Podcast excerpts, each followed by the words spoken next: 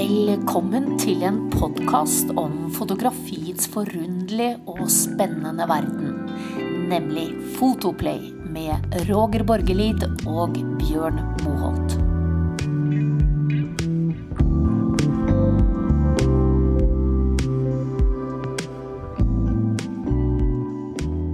Would you really feel any pity if one of those dots stopped moving forever?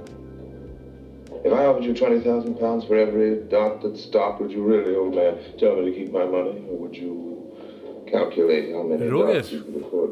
Hallå Björn! Du, i eh, disse innetider så eh, tenkte jeg at vi, det kan passe bra for oss å hente litt inspirasjon fra andre kilder enn de eh, tradisjonelle. Og da tenker jeg selvfølgelig på film.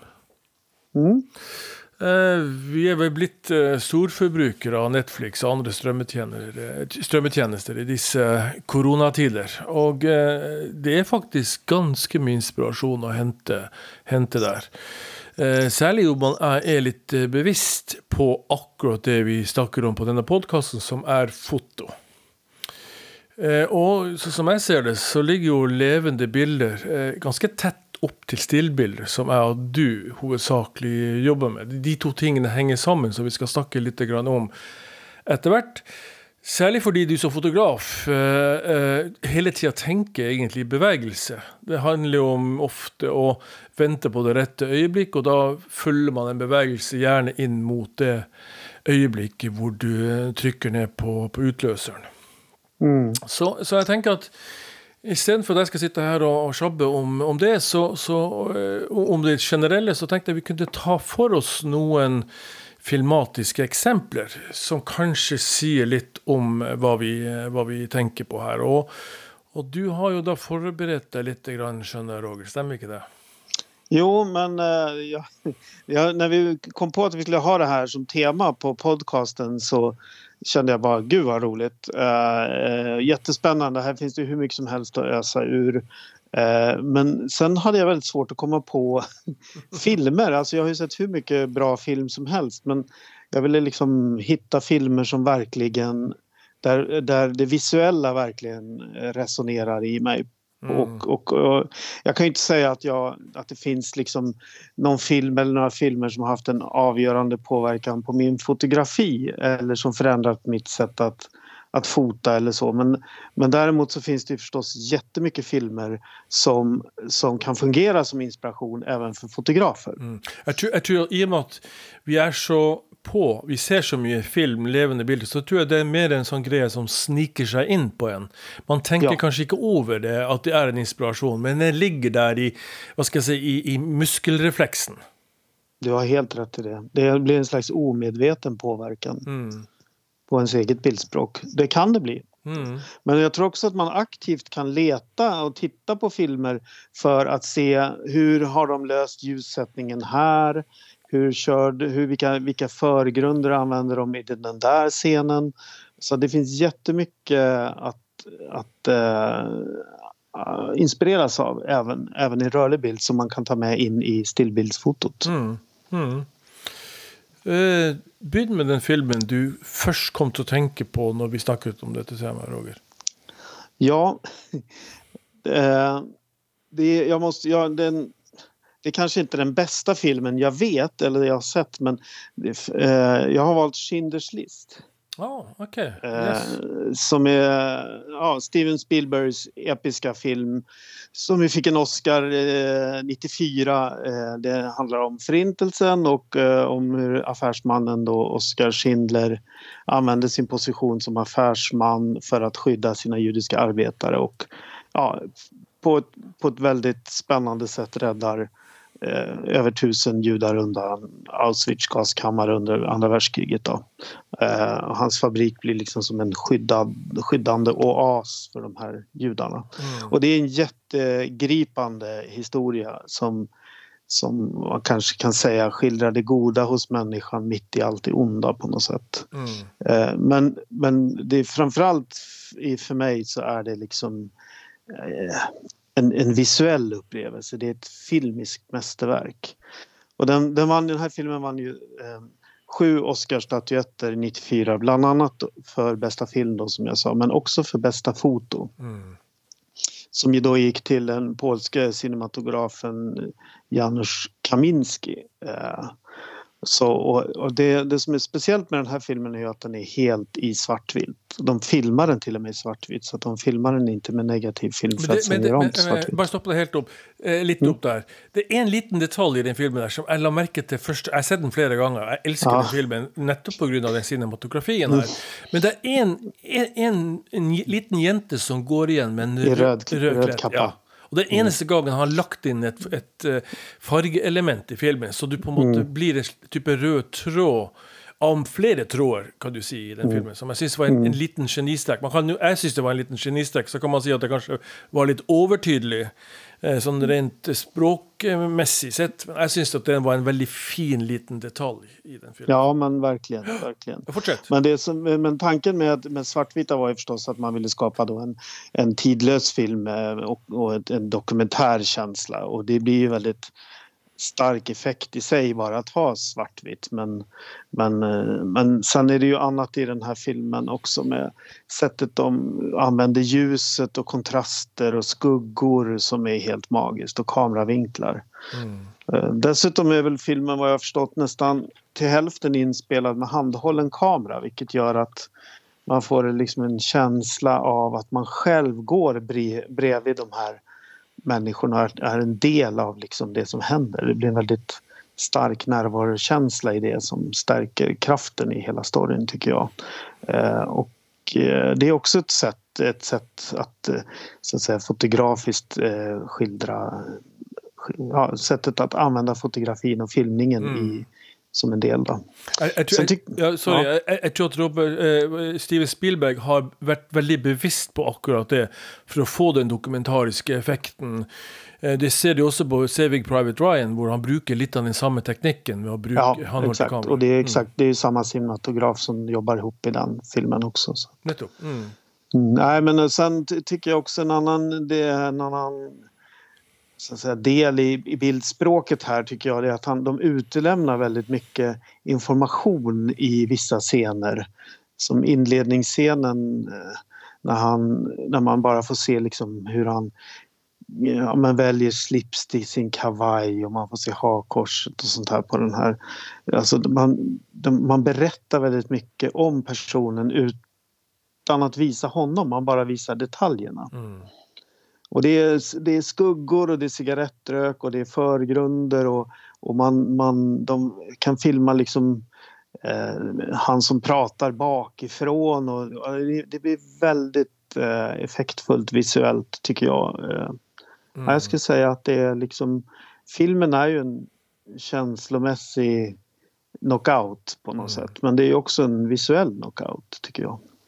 Ja, det at man har tatt bort fargene, det blir så renskåret og, og kondensert eh, historien, samtidig så det, som det blir en estetisk nytelse. Og det er jo nesten litt sånn kontrast til tragedien, tenker jeg.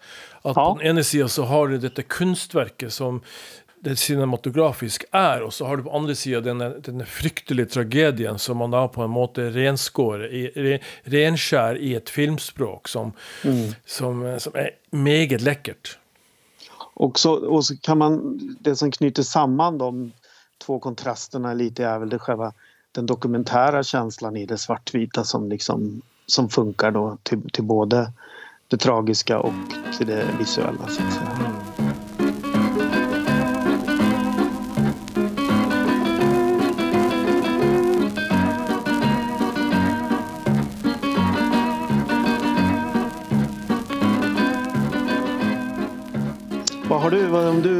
Din första film du tänker på? Ja, det är väldigt veldig pussig at du da nevner da Schindlers liste, fordi at jeg tror at Spielberg står i stor gjeld til den filmen jeg skal eh, snakke om, som er betydelig eldre. Den er vel over 70 år gammel. Den tredje mannen som også er skutt i sort-hvitt. Selv om fargefilmer var kommet på den tiden der, så valgte man jo i lenge etter at den kom, å skyte film i, i sort-hvitt. Og, og den tredje mannen er spesiell på, på mange vis. Eh, regissøren Car Car Carol Reed han hyrte inn forfatteren Graham Greene til å lage, eller skrive, et filmmanus.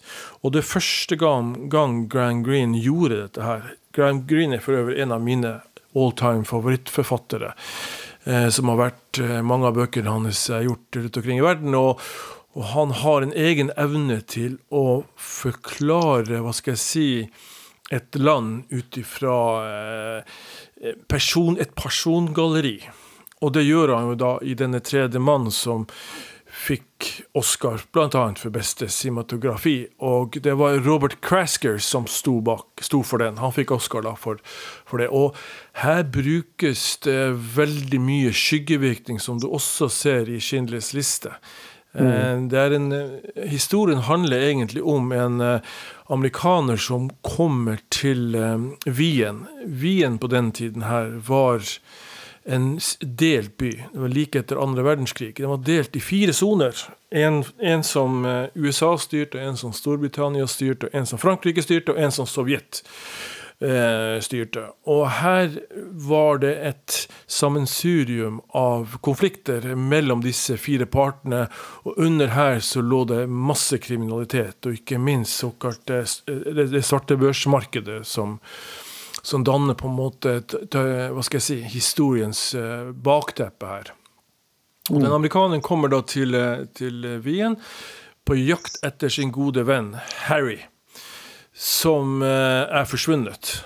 Eh, och han börjar leta efter honom.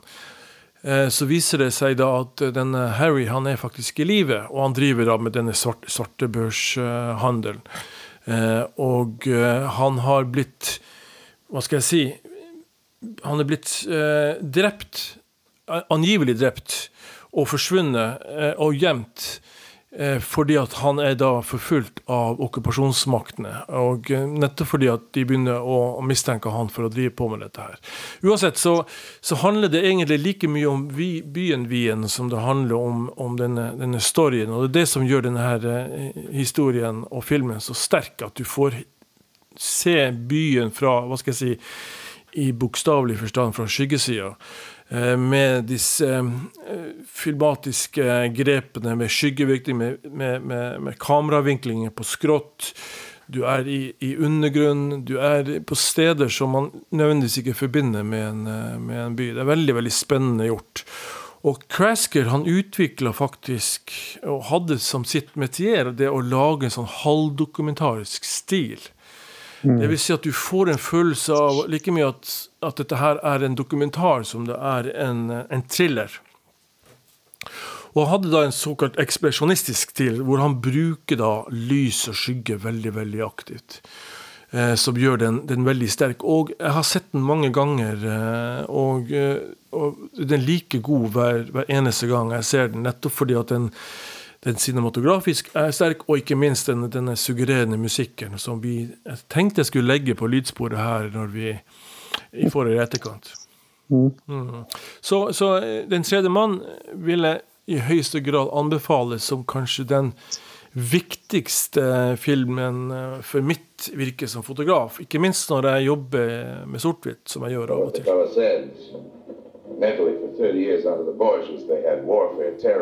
murder, and bloodshed, but they produced Michelangelo, Leonardo da Vinci, and the Renaissance. In Switzerland, they had brotherly love. They had 500 years of democracy and peace. And what did that produce? The cuckoo clock. Just det. Mm. Ja, det är ett helt annat tänk med svartvitt-fotografi egentligen och, det, och båda de här filmerna tycker jag eh, verkligen visualiserar kraften som, som svartvitt kan ha i, på både film och fotografi. Ja, Den gangen så tror jeg de, de valgte det også fordi det var billigere enn farger. Fargefilmen slo vel gjennom på 1930-tallet, slutten av 1930-tallet i USA. Mm. Men mm. jeg forsto det slik at det var veldig dyr å, å bruke. Så man brukte vel sort-hvitt langt opp på 60-tallet. Mm. Før den ble erstattet i hovedsak av, av farger. Mm. Mm. Ja, bra val, Bjørn. Ja, den er absolutt en film som jeg må handle på hjertet si at har vært eh, kanskje den viktigste filmen, i hvert fall for meg, når det gjelder å utforske fotografiets uh, muligheter. Og du når jeg ser den i dag, så ser jeg for meg stillbilder mer enn jeg ser for meg bevegelige bilder. Det er et eller annet Intressant. Ja, det er det. Mm. Ja. Har du flere å eh, dele med oss, eh, Roger? Ja, eh, det har jag några stycken. Alltså, ja, man, eh, men en sak som jag måste nämna i förbifarten är ju eh, för mig som jobbar väldigt mycket med natur och djur och eh, de, de typen av miljöerna ute i världen så, och även i Sverige och Norge så, så är ju eh, BBCs eh, naturfilmer Planet Earth har ju varit en otrolig inspirationskälla i, för mig. Um, och det, det har ju även The Blue Planet, Our Planet, Human Planet och Frozen Planet. Mm. Så att, men ska, om vi ska gå vidare, vi pratar ju lite om spelfilmen här. Och en annan film som, som verkligen slog knock på mig när den kom det var den brasilianska eh, filmen City of God. Mm. Eh, det är ju en... Ja, vad ska man säga? Det är, det är en otroligt brutal film om, om eh, gängkriminalitet i, i eh, Rio de Janeiros kåkstäder kan man säga. Två pojkar eh, två pojkars olika väg från kåkstaden ut i livet där en blir så att säga gängledare och den andra vill bli fotograf. Mm. Och det är en extrem, alltså jag såg, såg den faktiskt igen nu för att jag skulle ha den färskt i minne här till podcasten och den har ju otroligt övervåld och en total respektlöshet för liv som, som nästan gränsar till det liksom komiska på något sätt. Mm. Eh, Men, men det, jag- det jag gillade med den som, som förutom liksom att det är en väldigt stark story så tycker jag att den har liksom ett, ett fotografi och ett bildspråk som är extremt närgånget och intensivt och rått. Det är Mm. väldigt mycket extrema närbilder, förgrunder, de går väldigt tätt inpå. Också handhållet ibland och man dras liksom in i handlingen ungefär som att man faktiskt nästan är med i filmen. Det är Mm. en in- intensitet och en närvaro som, som passar handlingen på ett väldigt eh, ja, suggestivt sätt skulle jag säga. Ja, den, jeg husker at det er veldig mye sånn gult-oransje lys i den. Ja. Stemmer det? Ja, och det, det var också mitt minne men när jag såg den så var det faktiskt inte så mycket så Mm. utan det mesta är i kvällsljus och lysrörsljus och det, men det, det är ju några scener ifrån den här kåkstaden då som, som kallas för City of God eh, som är tagna på kvällen som, som har ett ja, magiskt ljus. Alltså, och som du säger det här gula gyllene ljuset som, som och det, det mindes jag också väldigt starkt men det var faktiskt inte så dominerande som jag trodde och som jag mindes det. Men, men eh, just den här eh, bildspråket som är så himla närgånget det, det tar jag med mig från den filmen. Mm. Eh, da, s- da, når du nevnte den filmen der, eh, Roger, så, så, så kom jeg plutselig på en film som gjorde vel så stort inntrykk på meg da jeg var veldig ung. Som også handler om, eh, om Brasil og eh, Rio de Janeiro. Og det er en film som er gjort av en svenske i 1965. Det er en liten Oi. sp- spørrelek, dette her. Og, og vedkommende som både had, hadde regi og foto, var Arne Suksdorf. Og filmen er 'Mitt hjem er Copacabana'. Ja, Husker du det. det? Har du sett den? Ja. Ja, nej, jag kan inte minnas. Jag minns ingenting av den, men jag känner till den väldigt väl. Den er helt fantastisk. Jeg glemmer den aldri. Den, den, den har vært med meg fra jeg var guttunge. Jeg så den da jeg var veldig ung. Den, er, eh, han, den, den fortellingen om disse fire foreldreløse barna. Som, og fortelleren her, Allan Edvald, som eh, går igjennom dette her, den, den gjør dette her ekstra sterkt. Og den er også i sort-hvitt, eh, eh, ikke sant? Som, som gjør den litt sånn halvdokumentarisk. Nydelig, nydelig film. Eh, og den må jeg se igjen, for det er lenge siden jeg har sett den. Jeg kom plutselig på den, skjønner du, eh, rett før vi Ja. skulle gikk på lufta. Ja. Mm. Ja. Annars vet jag att eh, det finns en, eh, att du har en film som, som fick dig till och med att eh, resa till ett, att välja ett resmål tack vare på grund av filmen. ja. Du tenker på Lawrence of Arabia? Jajamän. Jajamän, yes. ja, den, eh, den, har jag, den har jag också sett flera gånger och den är enormt filmatisk eh, att se till. Och den är ju tagit upp i den eh, arabiska öknen, alltså Wadi Rum i, i Jordan. Mm. Och väldigt mycket av handlingen utspelar sig där. Eh, nylig, nylig, nylig eh, bilder. Och den har också, den har kanske inte påverkat mig så väldigt mycket fotografisk. Den har väl kanske mer eh, påverkat mig som ett resemenneske. Jag Men, eh, men Freddy Young som då var fotograf på den filmen, han har ju fått, fick ju flera Oscar bland annat för den här. För, för den, eh, den Lawrence of Arabia. Så den anbefales på det sterkeste. Og den er vel kommet i en nyrestaurert utgave, hvis ikke jeg husker helt feil. Så, eh, som finnes både her og der. Jeg vet ikke om det finnes på noen strømmetjenester, men den bør dere eh, eh, få med dere. Eh, Så när, du- när du nämner Wadi Rum då, då kan jag ju som parentes säga att även The Martian med, med eh, ah, vad heter han nu då, skådespelaren som är, är med i Will Hunting, eh, Good Will Hunting. ja, Matt Damon. Mm. Ja, Mm. eh, den är också inspelad i Wadi Rum. Mm. Eh, och den, den filmen har faktiskt fått mig att vilja åka dit. eh, så att, eh, det är väl inte omöjligt att jag drar dit med drönaren så fort det blir möjligt att resa igen. Ja. Ehm, har du flere filmer du vil nevne, eller skal jeg gå videre på min neste? Jag går vidare på din du så. Men ja, Ja. fordi at eh, jeg tenker som så at eh, dette her med, med foto, altså levende bilde og stillbilde, henger nøye sammen. Og en som snakker veldig mye om dette her, som har gjort det til sin store ins- inspirasjonskilde, altså stillbilder, det er eh, engelskmannen Roger Deakins. Eh, og han har gjort en del vanvittige filmer, altså. Ikke minst min favoritt ha- som han har gjort, det er Fargo. Husker du Ah. Fargo? Ja, ja, Ja. Den er helt fantastisk filmatisk, og den vant vel en del priser. altså Det er tatt stillbilder fra den filmen som det er gjort priser på. Helt vanvittig bra. Og han har jo da fortalt i etterkant av en av hans store inspirasjonskilder som cinematograf. Det er altså fotografen William Eccleston. Just det. Og det er litt interessant at han henter inspirasjon fra stillbildefotografering og tar og inkorporerer det i sine filmer. Og en annen film som er ganske ny, som han gjorde, som er noe helt annet igjen Der gjorde han, har han gjort noen helt sånn unike filmopptak. Den er 1917. Har du sett den?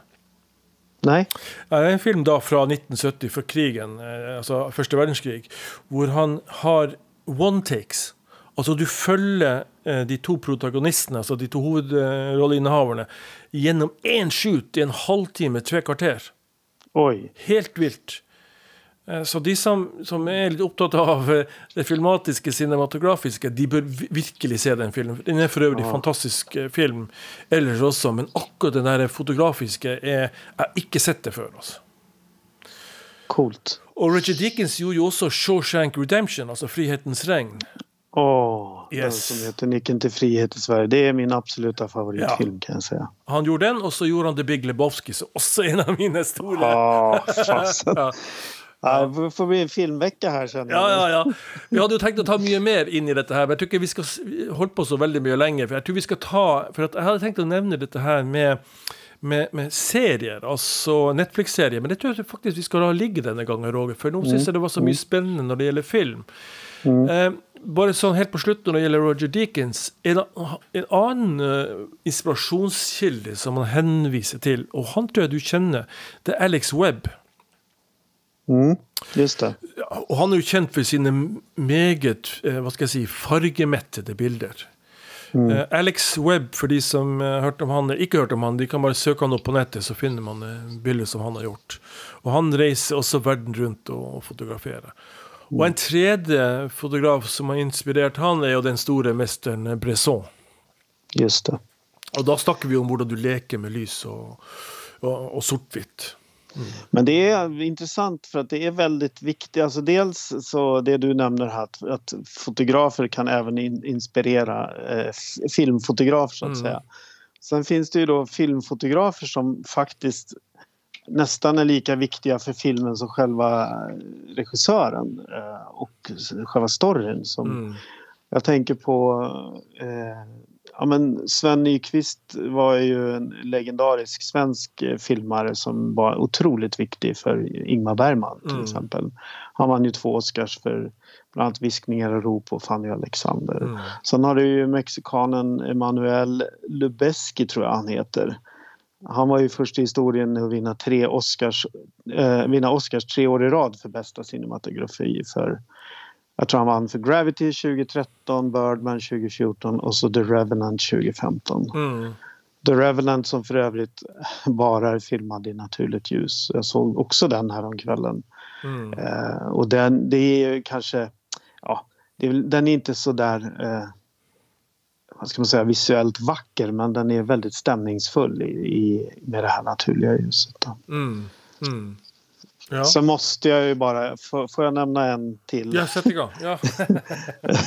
Då måste jag ju nämna eh, David Finchers filmer eh, Fight Club och eh, Seven som Mm. båda är filmade av Jeff Cronenweth. Och, ja, de är, det är båda två av mina favoritfilmer och det är liksom, jag tycker att båda är, ska man säga, som en råsop i magen. Säger man det på norska? Eller det gör man förstås inte. Men.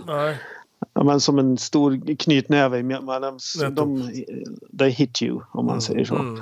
Med grymma skådespelare, men otroligt snyggt filmade båda två de filmerna. Det känns som att liksom man skulle kunna pausa filmen var som helst och så skulle det kunna vara ett väldigt bra fotografi Mm. vart man än pausar filmen. Mm. Så att, äh, det, det finns mycket här.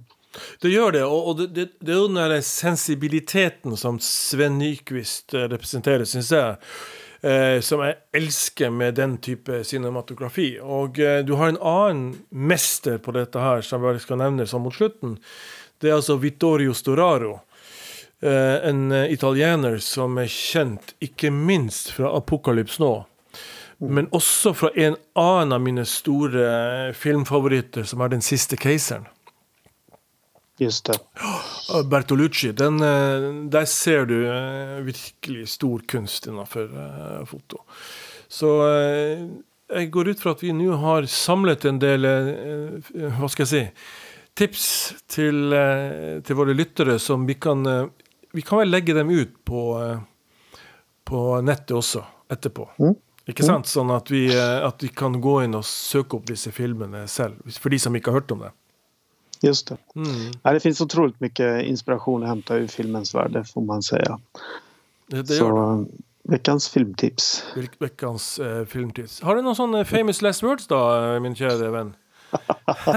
Nej! Nu sätter du mig på den där berömda pottkanten igen. Ja, nej, det vi kan si er vel at, eh, at eh, ha litt stillbilde Tenk litt stillbilde når du ser film.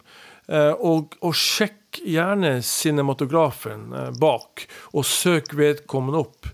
For det kan jo hende at en film som tilsynelatende kanskje virker uinteressant, kan likevel være spennende basert på at vedkommende fotograf har klart å heve dette her opp fra middelmådighet.